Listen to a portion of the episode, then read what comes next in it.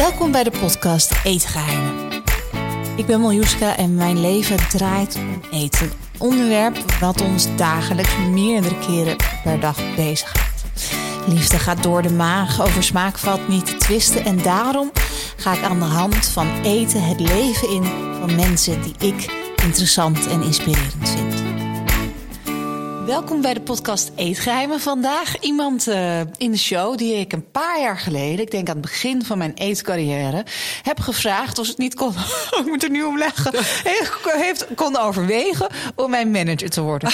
nou, dat was vlak voor het hele heel Holland Bakt succes. Ja. Uh, Jannie, welkom. Dankjewel. ja, nee, dat was heel leuk. Ja. Kan je het nog herinneren? Kan me nog herinneren. Ik weet zelfs nog de tafel waar we aan zaten. Want we hadden een soort gesprek over een soort nieuw platform. Ja. En er waren een heleboel mensen. En jij, jij sprong eruit omdat ik jou echt... Ik heb heel lang naar je zitten kijken omdat je zo mooi was. Nog steeds bent. Dankjewel, dankjewel.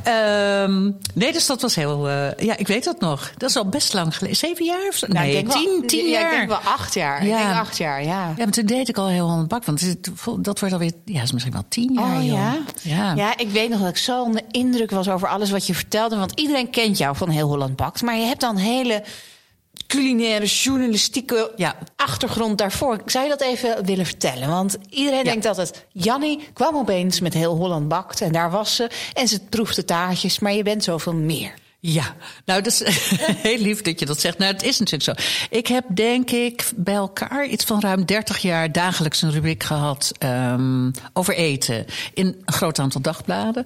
Begonnen bij het Haarlems Dagblad. Daarna werden het alle provinciale dagbladen. Uh, vervolgens overgenomen door het AD. Ik ben hoofdredacteur geweest van uh, Tip Culinair. Ik ben internationaal hoofdredacteur geweest van een internetbedrijf, uh, recipeweb.com. En wij zaten in heel veel landen eigenlijk. Um, maar het probleem was dat er eigenlijk niks verdiend werd. Er werden wel hele leuke dingen gemaakt, maar niks verdiend. Dus toen uh, zijn we heel snel op een gegeven moment failliet gegaan. Maar zaten in, in Duitsland, in Engeland, in Frankrijk, Scandinavië. En ik was bezig met Italië en, Frank en Spanje. Dus dat heb ik gedaan. Ik heb heel veel boeken gemaakt voor uh, IKEA internationaal. Ik geloof iets oh. van 15, uh, 15 boeken. Die kocht uh, ik altijd, die hele lekkere dunne boeken. Ja, klopt. waren volgens mij 3,99 en dacht klopt. neem ik toch mee. Ja, ja. nou klopt. Die, die heb ik dus gemaakt. en voor Albert Heijn heb ik boeken en natuurlijk voor mezelf radio gedaan. Dus ik heb eigenlijk best wel heel veel gedaan. Je hebt eigenlijk het hele culinaire medialandschap ja. beslagen. Ik kon nooit kiezen in, in wat ik nou leuk vond. Radio of schrijven of boeken of tijdschriften. En iedereen zei altijd van, ja, je moet focussen. En ik dacht dat, ja, nou ja, ik vind alles leuk. En eigenlijk is dat mijn grootste voordeel gebleken omdat ik van alle media me realiseerde wat de tone of voice is. Want ja. wat je wil vertellen op televisie is iets heel anders dan wanneer je het op moet schrijven in een column bijvoorbeeld. Mm -hmm. Daar heb ik heel veel van geleerd. Ja. En toen kwam Heel Holland Bakt. Hoe is dat dan gelopen? Eigenlijk was ik uh, televisiemaker. Ik, uh, zo ken ik Herman, die hier net was. Ook uh, het eerste programma met Herman trouwens ontwikkeld. De Engel en het Paard. Oh, echt? Ja. Geestig. En ik was televisiemaker, eindredacteur. En ik heb ook televisieprogramma's bedacht. En ik werd eigenlijk bij Heel Holland Bakt gevraagd als maker... van hoe denk je dat dat in Nederland zou moeten? Wat zou je, zouden de opdrachten kunnen zijn? Hoe kun je het in Nederlandse draai geven. En dat was in de pitchfase. En uh, toen zeiden ze op een gegeven moment... maar eigenlijk pas jij precies in um, ja, de functie van uh, jurylid. En ik dacht, nou ja, het is een pitchfase. Prima. Zet mij, maar, uh, zet mij er maar bij. Ik denk, dat wordt toch nooit wat. en anders vinden ze wel iemand anders. Maar goed, dat liep dus anders. Ja.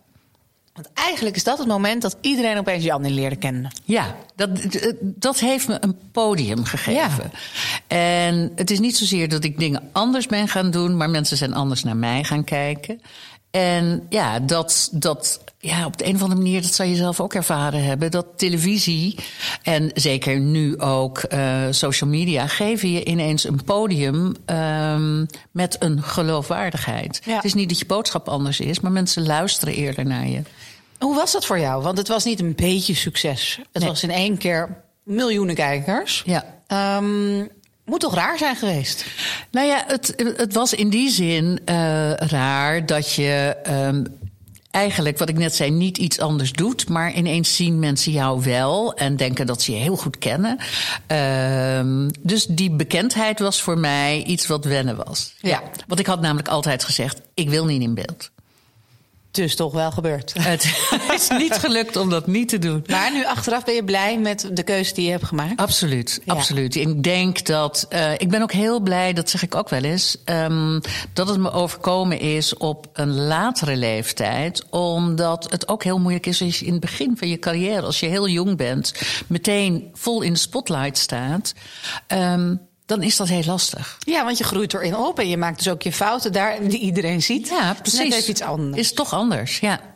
Um, laten we even teruggaan in de tijdmachine naar jouw jeugd. Ja. Hoe was het eten daar?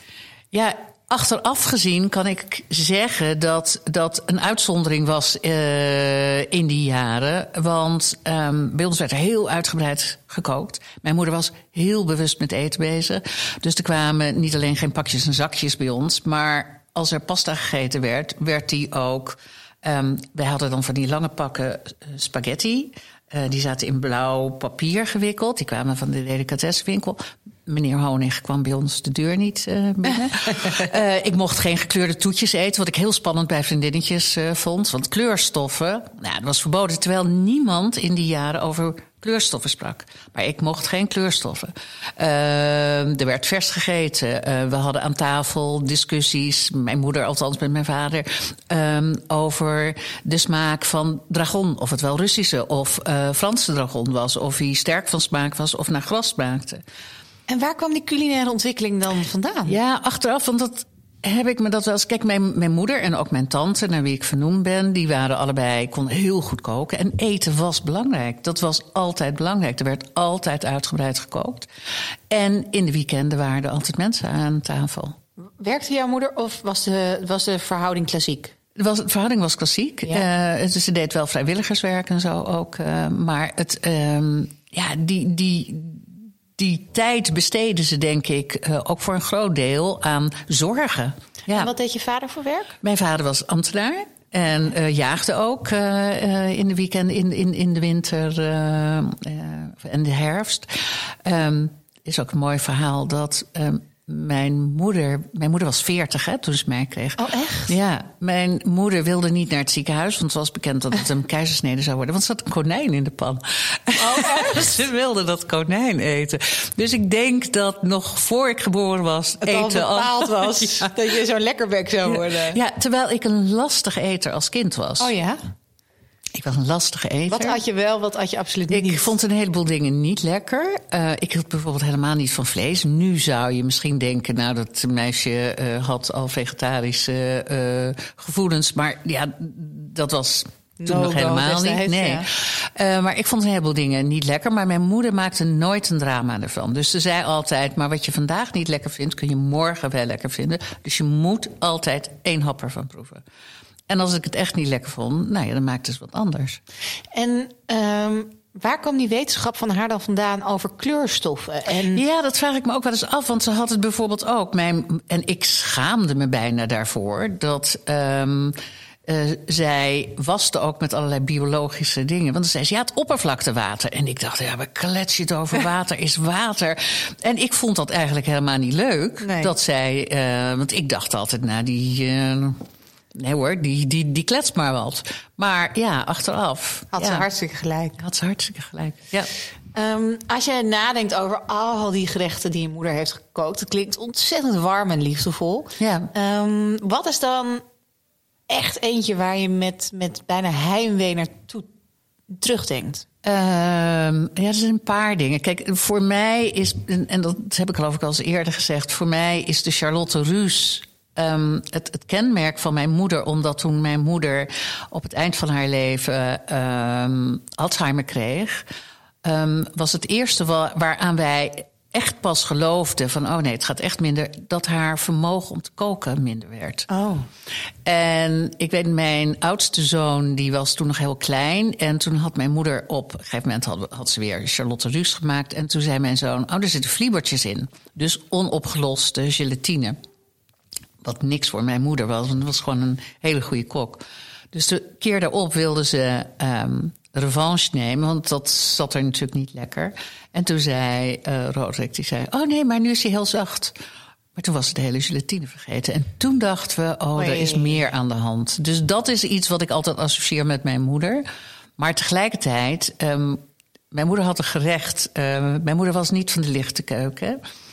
Veel room, boter. Um, maar ze had van um, ooit uit het verleden een wit russin, zoals dat heet, een recept gekregen van zuurkool met slagroom. Wat? ja, zuurkool, stoven in room. Ja. Uh, er ging dan ook nog paprikapoeder door, een beetje tomatenpuree. Ja, een uh, er ging lamsvlees. Ja, een ja. beetje uit, uit die contraien. Ja. Heel zwaar. Wel heel lekker. Ja. Maar uh, dan zei ze altijd: nee hoor, er zit helemaal niet zoveel room in. Nee. Dat al zo. nee hoor, daar word je niet dik van. Nee, ja. ja, ja, ja. ja. Mooi. Um, schitterend. En jij hebt uh, twee zoons. Ja. Um, vanaf hoe oud heb, vanaf hoe oud heb je die alleen opgevoed? Uh, ik was, uh, mijn oudste zoon kreeg ik toen ik 24 was. Ik ben heel jong getrouwd, op mijn 21ste. Uh, mijn tweede zoon op mijn 33ste, ze schelen negen jaar. En mijn oudste ging net studeren toen wij gingen scheiden. En mijn jongste was tien. Oh, dat heeft nog best lang geduurd. 22 jaar getrouwd ja, ja, ja, dat is knap. Hoe heb je hun opgevoed met eten? Want um, je bent altijd een bezige tante geweest. Ik, ik, ben ook altijd met eten. Het grappige is dat mijn eerste kookboek wat ik schreef, Pasta... Mm -hmm. um, dat had nog als ondertitel, kan je nou niet meer voorstellen. Hè? Dus ik kom echt, ik kom letterlijk en figuurlijk uit de vorige eeuw. Um, dat, dat moest de ondertitel dus hebben. En daar heb ik hem mee opgevoed. Hij heeft heel veel pasta toen. Hij was toen tien maanden toen ik begon met dat boek. Wat mooi. En wat dus was de ondertitel van het boek? Uh, alles over Italiaanse deegwaren. Ja. ja. Want iedereen dacht ook als ik zei... Hey, ik ben bezig met een boek over pasta. Ze dachten, nou ja, dat zijn pasta's, die, die fijn dingen. Ja. Mijn oma heeft nog de spaghetti droog gefeund. Oh, echt? Ja. Oh, geweldig. Ja, dus ja. Ik, uh, ik weet ook nog, zelfs in mijn jeugd was het nog iets, en dan Amsterdamse volksmond. Het is even buitenlands, weet je wel? ja, oh, echt, ja, ja, geweldig. Ja. ja, en dus hij is opgegroeid met pasta. Nou, dan zit er negen jaar tussen met die andere zoon. Ja. Uh, was je toen in een andere fase? Nee, ik denk dat ik heb altijd veel gekookt en ze hebben altijd met veel smaken te maken gehad kunnen allebei ook uh, goed koken. Althans, vooral mijn oudste kookt veel. Mijn uh, jongste was al, moet ik even denken, hoe oud was die toen hij naar Tokio ging? Was hij 17? Net 17. Wauw, wat ging je daar doen? Uh, model was hij. Oh, hij, was, hij was klaar met zijn uh, middelbare school en liep al Parijs en Milaan. En uh, had altijd gezegd: ja, ik wil. Hij had zichzelf ooit al eerder Japans geleerd. Uh, toen was hij dertien of zo. Wow. En hij zei altijd, ik wil daar graag studeren. En omdat hij zo jong klaar was met zijn, uh, met zijn VBO... zei ik, nou neem jij maar een tussenjaar. En in dat jaar is hij... Um, nou ja, inderdaad, Hongkong en Milaan en uh, Londen heeft hij gezeten. Dus heel jong, heel zelfstandig. En daarna ging hij tijdens de studie ieder jaar eigenlijk terug naar uh, Hongkong. Uh, en uh, Tokio, sorry, ik zeg Hongkong, Tokio. dus hij heeft ook heel veel van de Japanse eetcultuur meegekregen. ja. Niet verkeerd, kook je Helemaal dat wel niet. eens voor jou? Ja, nou, en, en ook veel Chinees. Hij heeft een Chinese vrouw. dus ja, die Aziatische keuken heb ik vanuit die kant heel erg meegekregen. Maar dan de authentieke, ja. Wat ik altijd um, bijzonder vind, jouw generatie mm -hmm. is de generatie die wel mocht werken als ze getrouwd waren en kinderen ja, hadden. ook, ook beperkt hoor. Ja, hè? Ja, want ik weet wel dat ik ook... Uh, kijk, ik heb wel altijd geschreven, ook toen ik getrouwd was. Um, maar niet, ja, en ik deed radio, dat, mm -hmm. dat deed ik dan wel. En dan had ik oppas. En, maar er werd niet altijd uh, in de omgeving waar ik woonde zo van... oh, wat leuk dat jij werkt. Nee, nee. maar meer zo van, oh, wie is de oppas? Ja, ja, ja. ja. Zo, toch wel een beetje met de nek ja. aankijken. Hoe dat... vind je als, je, als, je, als, je, als je dan nu kijkt hè, naar jouw moeder, Ja. jij, jouw zoon heeft Eh, ja. een kind met, eh, met, een- met, met hè, de- ja, ja. Ehm, En mijn andere zoon heeft twee dochters. oh, ja. nou kijk, kijk. Hè, dus je ziet de hele eh, revolutie van de vrouw. Klopt. Ehm, ja, hoe vind jij dat om te zien? Nou ja, ik, ik zei toevallig laatst nog in een interview. Ik vind het heel belangrijk dat vrouwen ook zelfstandig zijn. Want je moet je, eh, je leven niet af laten hangen van een ander. Het is heel fijn als je samen met iemand bent. Maar zorg ook dat je eenzelfde leven kan leven als je alleen bent. Je weet nooit wat er in je leven komt. En jij komt ook uit een familie met sterke vrouwen. Ja, maar toch heb ik het me laten aanleunen en heb ik toch dezelfde fout weer gemaakt. Ook voor op de bladen gezeten. Ja, ja dat, dat, maar ik denk dat jij daardoor nog bewuster bent geworden en het aan jouw dochter doorgeeft van zelfstandig zijn. Ja, ja. En ik denk dat het alleen maar een goed ding is dat. ehm, ik, ik vind het ook moeilijk voor deze generatie die zoveel tegelijk moet doen. En Ja. een fantastische moeder zijn. En eh, een partner. eh, spannend blijven. Je vriendinnen onderhouden. Werken. Dat is ook heel veel. Dus ik hoop dat er ooit een soort balans komt. waarin je niet alles moet. Nou, wat ik zo grappig vind is dat het altijd gaat over de vrouwen die fulltime, die parttime werken en de mannen die dus. Het gaat nooit over de mannen die geen tijd vrijnemen of minder gaan werken om voor het kind te zorgen. Ja, het grappige is dat ik dus met mijn zonen dat wel heb gezien. Dat, Ja. eh, dat zij dat deels wel eh, doen. En ook eh, dat, en hun werk daarop aanpassen. En ik vind dat ook een, een goede ontwikkeling. Ja. Dat je samen de verantwoordelijkheid neemt voor je kinderen. Ik, ehm, toen je gescheiden was, was het voor jou moeilijk om weer in de game te komen? Of Nee, het juist zo- niet. Het was mijn drive. Ja. Ja, het tegenovergestelde. Het, eh, ik had toen, ik, ik heb nooit eh, eh, alimentatie gevraagd of gekregen, omdat ik dacht, dan doe ik het zelf wel. Ehm, dus ik ben meteen carrière gaan maken. ja. En Toen was je hoe oud? Eh 42. Hopta. Ja, 43, ja. Ja, maar wel met al die kookkennis.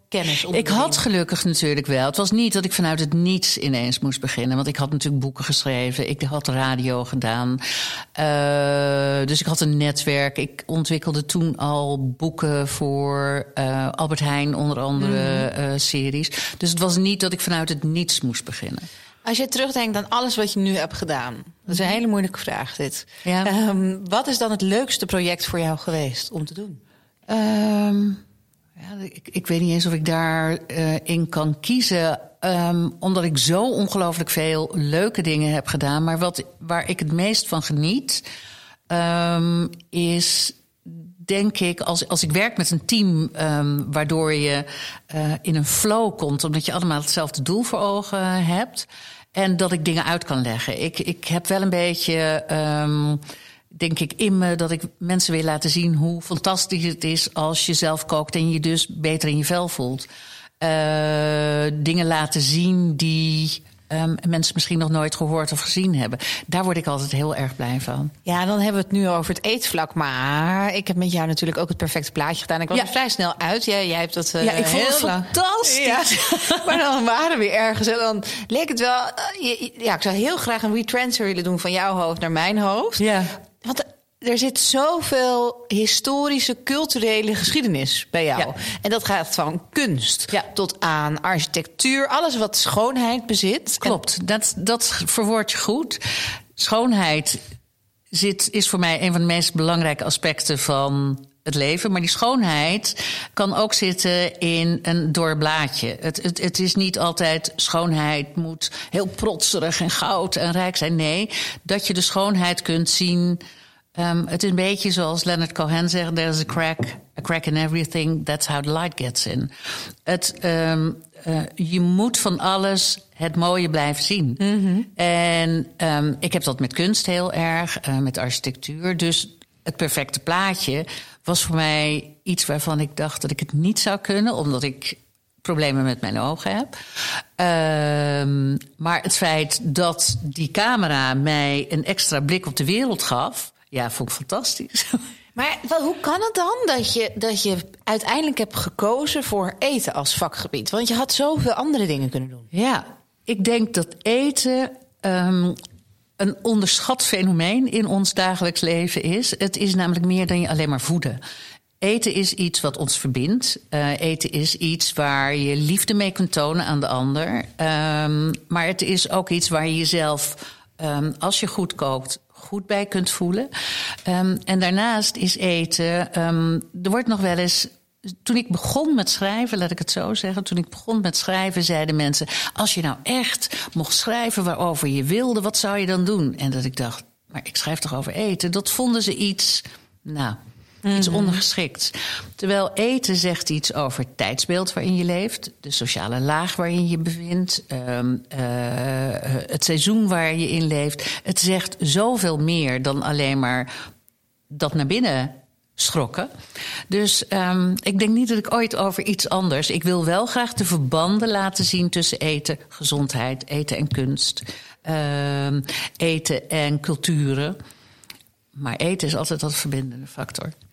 Als jouw zoons nu nog naar huis komen, mm -hmm. um, wat vragen ze je dan om te maken over het algemeen? Nee, ze, nee, ze vragen me niet dingen om te maken. Ze gaan uh, zitten en ze, ze eten en ze zeggen: Oh, dat is lekker of dat is lekker. Ja, ik, ik ben iemand die het liefst um, iedereen om me heen heeft een hele tafel vol. Ja, nee, maar ik heb zo'n gerecht van mijn moeder. Mijn moeder kookt bijna nooit, hè? Juist als ja, een tegenreactie ja. tegen uh, de de traditionele rolverdeling in het huis.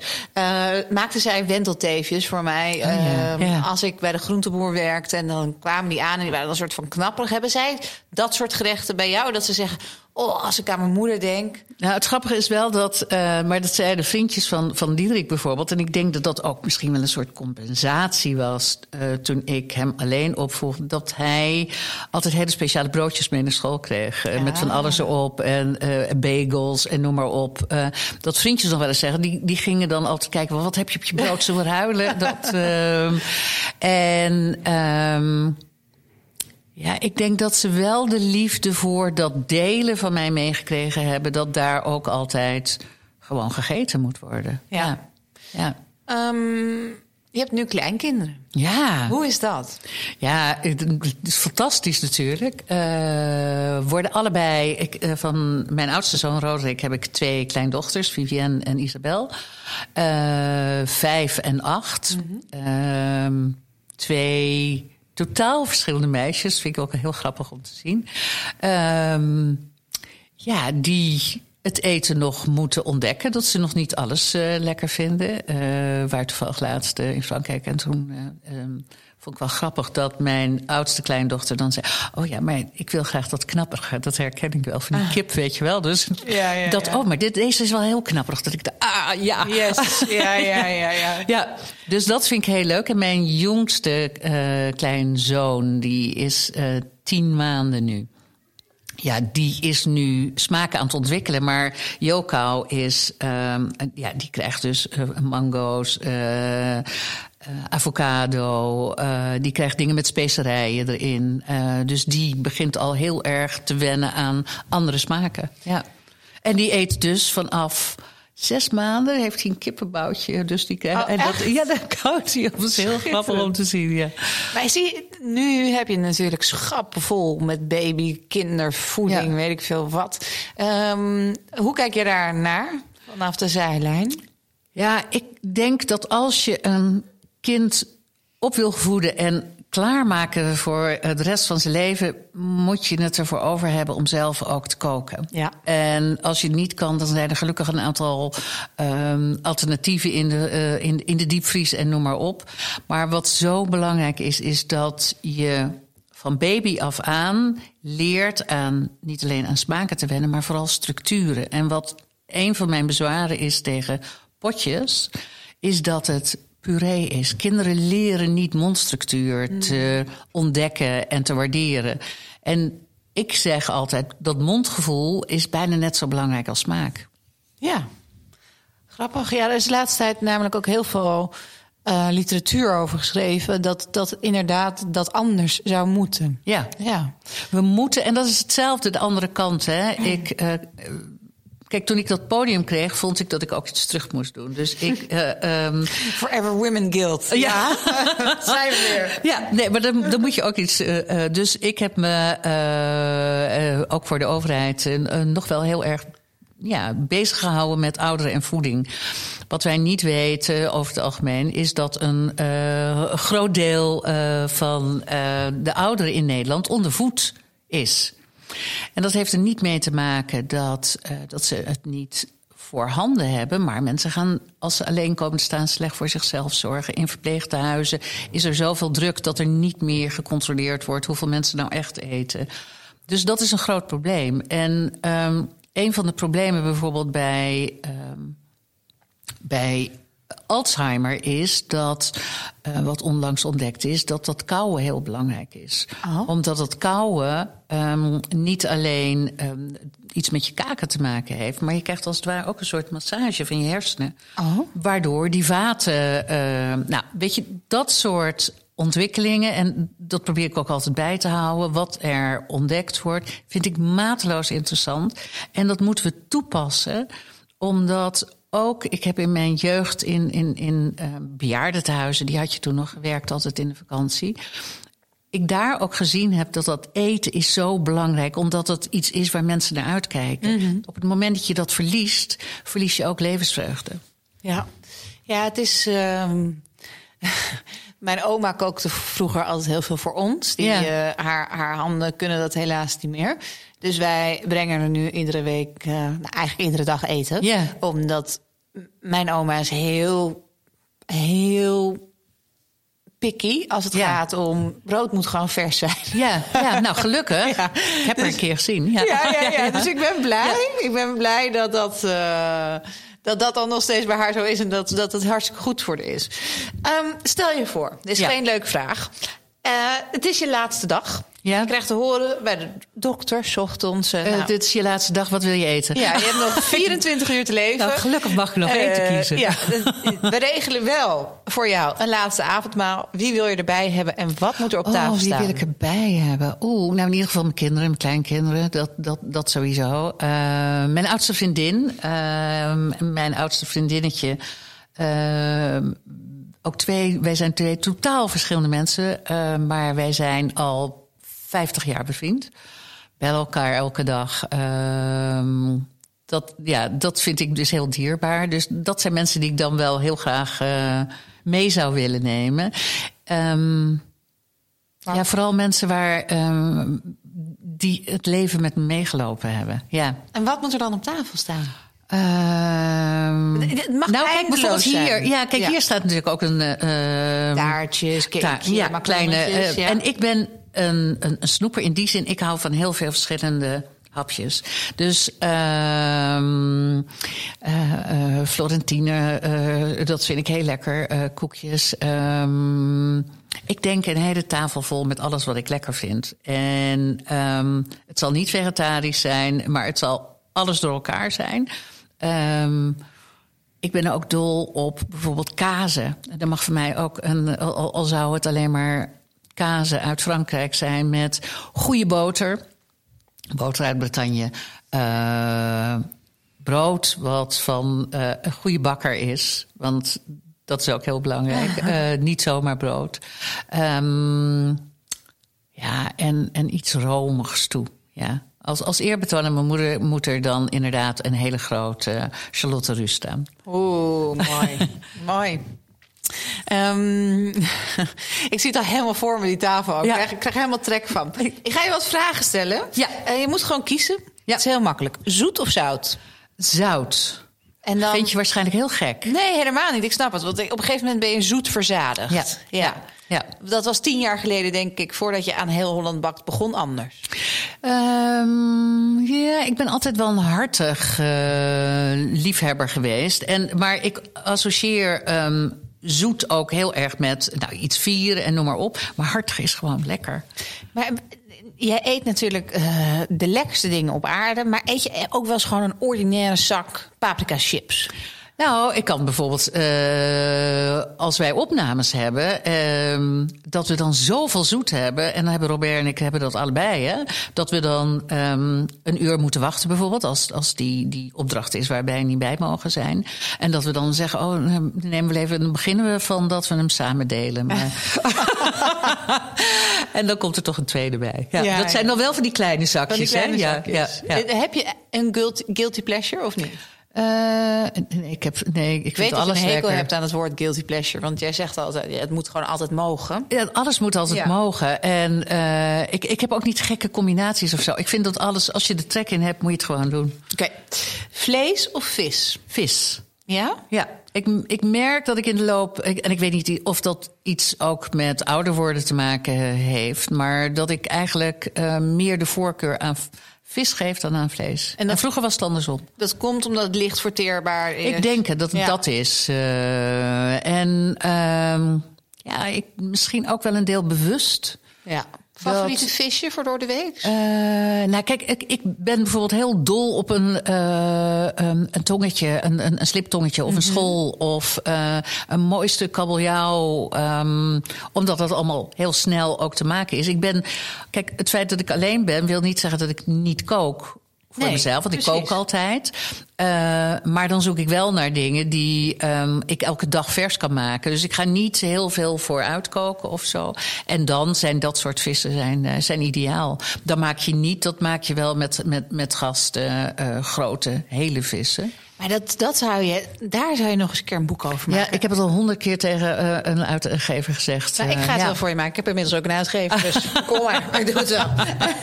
Want daar zijn zoveel mensen alleen. Ja, En en, heel- en, ik, ik heb een heel arsenaal aan, ehm, ehm, aan gerechten die ik ook in, in no time kan maken. Weet je, Ehm, eh, als je maar de kennis hebt, en dan komen we weer op die kennis van een aantal basisdingen. Wat moet je in huis hebben? Eh, hoe kan je heel snel smaken met elkaar combineren? Welke tomaten gebruik ik voor een salade en welke voor een saus? Precies. Dat, Ja, ja, ja. Ei of tofu? Eh, ei, Ja? zonder twijfel. Oké. Ja. Wel goede tofu gegeten in je leven? ja, silken tofu. Ja. Kaas of worst? Eh, kaas. Oh, Oké, dat is Hoewel, een, uh, ja, hoewel, kijk, een, een, een goede worst in Frankrijk. Uh, ik vind het dan heerlijk op de markt om daar allemaal verschillende worsten met van alles uh, erin ook te kopen. Met verschillende noten of met kaas. Um, maar ik ben echt een enorme kaasliefhebber. Ja, want je hebt ook een huis in Frankrijk, hè? Ja. En uh, verblijf je daar zeg maar de helft van het jaar? Nee, was het maar waar. Oh. Nee, nee, het is een familiehuis en mijn kinderen die zijn er ook. En ik vind niks lekkerder als we allemaal samen zijn. Maar zeker, uh, ja, de, de, laatste anderhalf jaar was het natuurlijk heel veel niet mogelijk. Nee. En uh, ja, ik, misschien werk ik nog te veel. Hoeveel uur per week werk jij, denk je? Uh, veel, ja. Ja, ik, ik zit onoverdreven gemiddeld wel aan uh, um, 50, 60 uur. Ja, ja. Zie je maar, hè? Ja. Frituur of wok? Oeh, dat is een lastige. Ik denk toch wok. Uh, hoewel, kijk, ik heb, ik heb niet eens een frituurpan, moet ik je eerlijk zeggen. Uit zelfbescherming? Of? Uh, ja, misschien vervelend? ook. Ik vind de geur vervelend. En als ik iets wil frituren, en als het bijvoorbeeld gamma's, ik noem maar wat, dan doe ik dat gewoon in de wok. Ja. ja. Oké. Okay. Sorry. Oh, weet je, er is nu een oliebol, een tompoes oliebol. Oh, echt? Ja. Ik ga meteen vanmiddag zelf ook maken. Oh, grappig. Ja, lijkt me dus heerlijk. Goede banketbakkersroom. Misschien maak ik er wel Zwitserse room van. En oh, dan, lekker. Nou, en nou, helemaal van het onderwerp af. Stampot of buitenlandse keuken? Um, Oeh, dat is echt een dilemma. Omdat ik goede stampot op zijn tijd uh, vind ik heerlijk. En omdat ik hem weinig eet. Um, ja, ik, ik, ik, heb er, ik heb er drie die ik gewoon favoriet. Ja, dat zijn de grote klassiekers. hè. Dus, uh, uh, ja, gewoon een goede boerenkool. Ja. En, en er moet echt, er moet je verse boerenkool hebben die je zelf rist. Zoals Ja. dat uh, heet. Lekker lang laat stoven. En dan pas met je aardappelen. Ik ga dat niet allemaal boven op elkaar doen. Een goede zuurkoolstampot vind ik ook nog steeds lekker. Ja, en uh, wortelui. Ook weer apart koken eerst en dan pas stampen. Ik ga straks jouw boerenkoolrecept even opschrijven. Ja. Uh, gezond of vet? Vet. Ja, en dan hebben we het over gefrituurd of over Nee, ik hou van avocado? lekker. eh avocado. nou ja, ook gezonde vetten, maar ik hou van mooie boter. ehm, en gezond is lekker, maar ik vind ook dat we te bang voor vet zijn. Ja. Ja, nou, het is grappig. Heel lang waren, was vet de vijand. En dat is nu weer helemaal veranderd. Ja, nou ja, waar ik tegen ben, zijn geharde vetten. En ik ben altijd enorm, en eh, sorry, ik krijg de hele industrie over me heen, maar ik ben enorme tegenstander van margarine. Ja. En Eh, palmolie. Dus en palmolie, dat moeten we gewoon niet doen. Eh, ehm, we moeten ook misschien. Bedoel, dat is ook de consequentie. Hè? We hebben te veel vee. ehm, maar laten we ons bewust zijn van goede producten die er zijn. En dan ook het beste wat je portemonnee je toelaat Precies. kopen. Ja.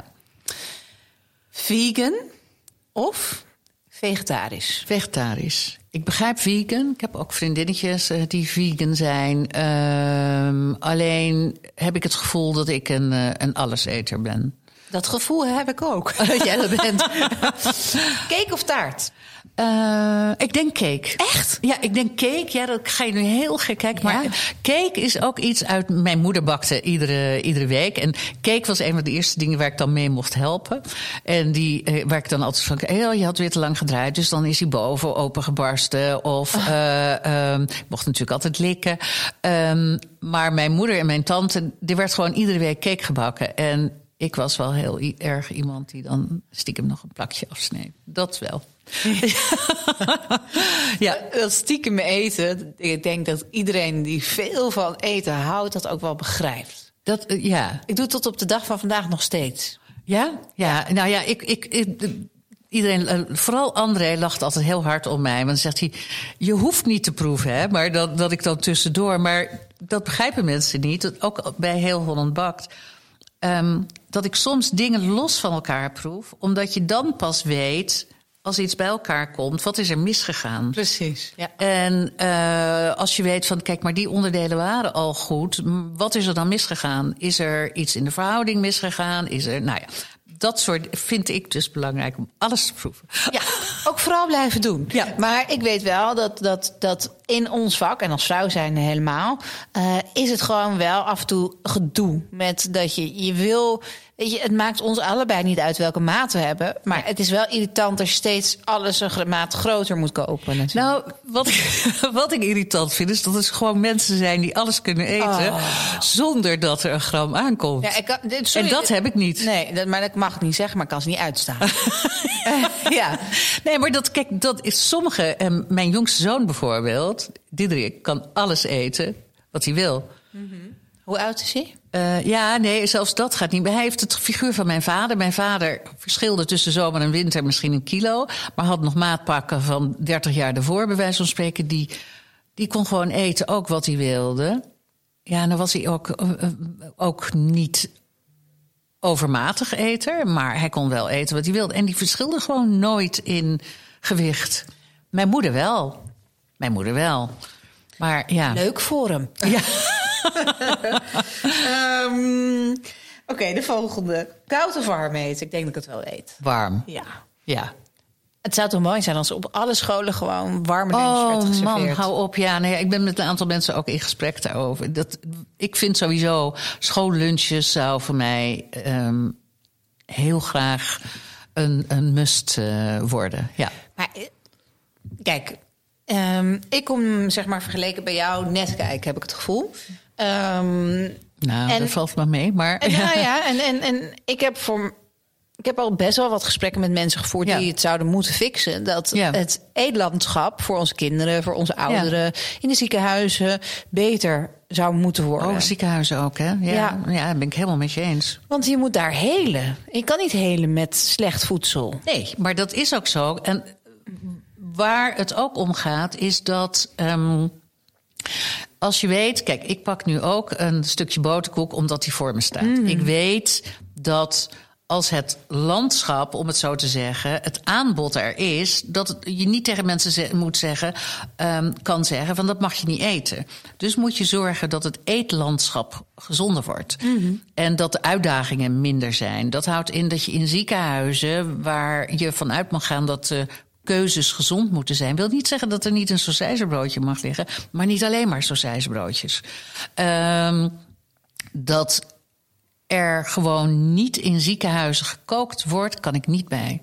Nee, maar waar, waar loopt het dan steeds spaak? Ik heb het gevoel. Bezuinigen. Ja, bezuinigen. Maar ook gewoon dat. dat ehm, en dit klinkt allemaal heel logisch. Maar dat iedereen zijn eigen winkeltje aan het runnen is. In, het, in, in, in ook de politiek. En dat het dus dat algemene goed. We hebben dingen in kaart gebracht en uiteindelijk moet het ondersteund worden en gedragen worden door een nog bredere groep.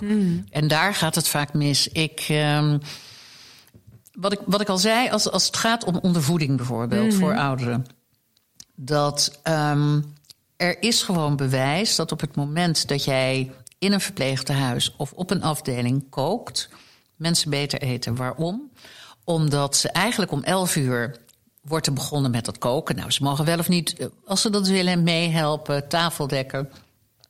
Maar de geur van eten is al een uur onderweg. Ja. Waardoor je trek krijgt. Dat heeft iedereen, als je lekker eten ruikt, krijg je trek. Wat gebeurt er op het moment dat eten uit van die karren komt, kant en klaar? Mensen gaan zitten en moeten eten, terwijl dat opwekken van die smaak helemaal niet heeft plaatsgevonden. Dus je moet eigenlijk gewoon in al die verpleegtehuizen, in al die ziekenhuizen, weer zelf gaan koken. Het is zo het- liefdeloos ook. Het is liefdeloos, maar het is ook. Het, ik bedoel, eten en gezondheid zijn aan elkaar gelieerd. Dus hoe kun je daarop gaan bezuinigen? Ik begrijp het gewoon niet. Nee. We gaan verder met de keuzes: pizza of pasta? Pasta. Ja, nog steeds? Na Ja. al die boeken? Ja, pasta. Ja, En ja. welke dan het liefst? Nou ja, ik heb. ehm, als, je, als je het nou hebt over voor jezelf en eh, jezelf verwennen. Ik heb ehm ehm, Garem, je weet wat Garem is, Ja. wat de Romeinen vroeger. En eh, Manon Henze. Maar kan je het nog even uitleggen? Ja, garum is ehm, zeg maar de, de, een, een, een vissaus, die de eh, gefermenteerde vissaus die de Romeinen al gebruikten. En eh, Manon Henze is eh, iemand die over historisch eten schrijft en ook workshops geeft. En die importeert zelf uit Italië. Er is nog één producent van garum. En dan hoef je niks anders te doen dan pasta te koken beetje boter, wat van die garum en verse eh parmezaanse kaas. Ja, ja, weet je, je weet niet wat je proeft en het is zo simpel. Ik hou, eh, als het gaat om de Italiaanse keuken, het meest van de cucina povera. Gewoon simpele smaken bij elkaar. Ja, daar word ik gelukkig van. Thuis of uit eten? Eh, ik ben ook in die zin. ik vind het heerlijk om uit eten te gaan. maar ik vind het ook heerlijk om voor mensen te koken. Ja. Ja, je bent wel echt een Ja. zorger, hè? Ja. Ja. Dat, eh, Ja. de- ja, dat denk ik wel. Ja. ja, ja, ja. Eh, met of zonder alcohol?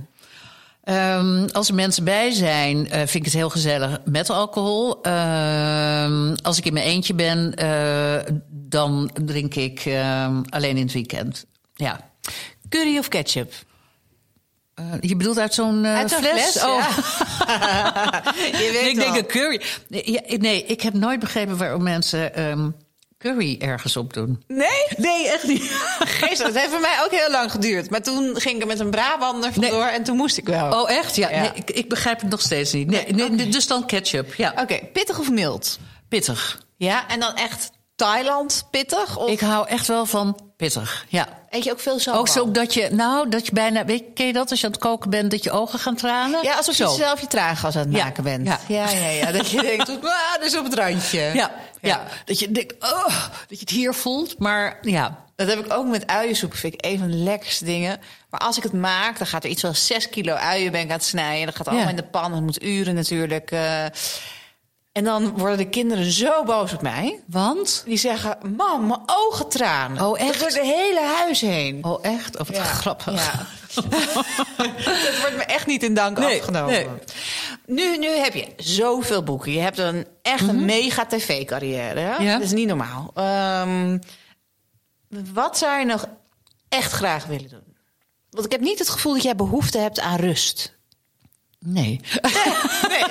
nou ja, als die rust maar de balans is eh, na, ehm, na druk geweest zijn. Want alleen maar doorgaan, doorgaan, doorgaan is ook niet goed. Dus er moet wel rust ingebouwd worden. eh, om op te laden, om weer nieuwe ideeën te hebben. Want dan kan ik weer door. Uh, ja, ik vind die modelijn die uh, uh, vond ik heel gaaf om te doen. Ja, te gek. Um, tot, tot, welke mate was het ook weer? van 34 tot 48. Ja, dus zeg maar 436. Ja. Het hangt een beetje van het model af, omdat niet alles um, staat op iedere, ieder lijf. Ja. Ik ben nu met het tweede servies uh, bezig. Dat vind ik fantastisch. Er komt in januari komen er um, komt een serie tulpenvazen aan. Echt? Ja, ja vind ik heel gaaf. Uh, gebaseerd op uh, antieke modellen, maar dan net wat anders. Kan je dan ook even de uitlegger bij doen hoe ik op schoon moet maken? Want dat vind ik altijd heel ingewikkeld. Uh, deze heeft gewoon heel goed aan de onderkant een bak. Ja. Ehm, dus die kun je gewoon afwassen. Oh, prima. Dus dan hoef je niet... want dat is... Ja, ik, ik hou van praktisch. dus het moet ook goed schoon te maken zijn. Want anders dan blijven je tulpen er ook niet mooi in staan. Precies, ja. en, maar ja, ik zou zo graag willen dat er een museum zou komen wat jij, waar jij curator voor, van zou Oh, dat zijn. lijkt me enig. Nou is er een eetmuseum. Uh, maar, um, weet je, waar ik graag meer aandacht voor zou willen, is het ambacht. Ja. Want dat is iets wat we aan het kwijtraken zijn. En als we dat nu niet doen, die overdracht, dan is er over twintig jaar niemand meer die een aantal dingen beheerst. En er was ooit een. Uh, wat ik een waanzinnig initiatief vond, uh, Amerikaans initiatief overigens, um, in Italië.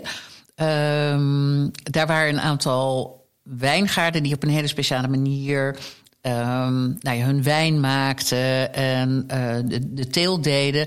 Maar dat was zo arbeidsintensief, dat, werd, dat stierf uit. Mm -hmm.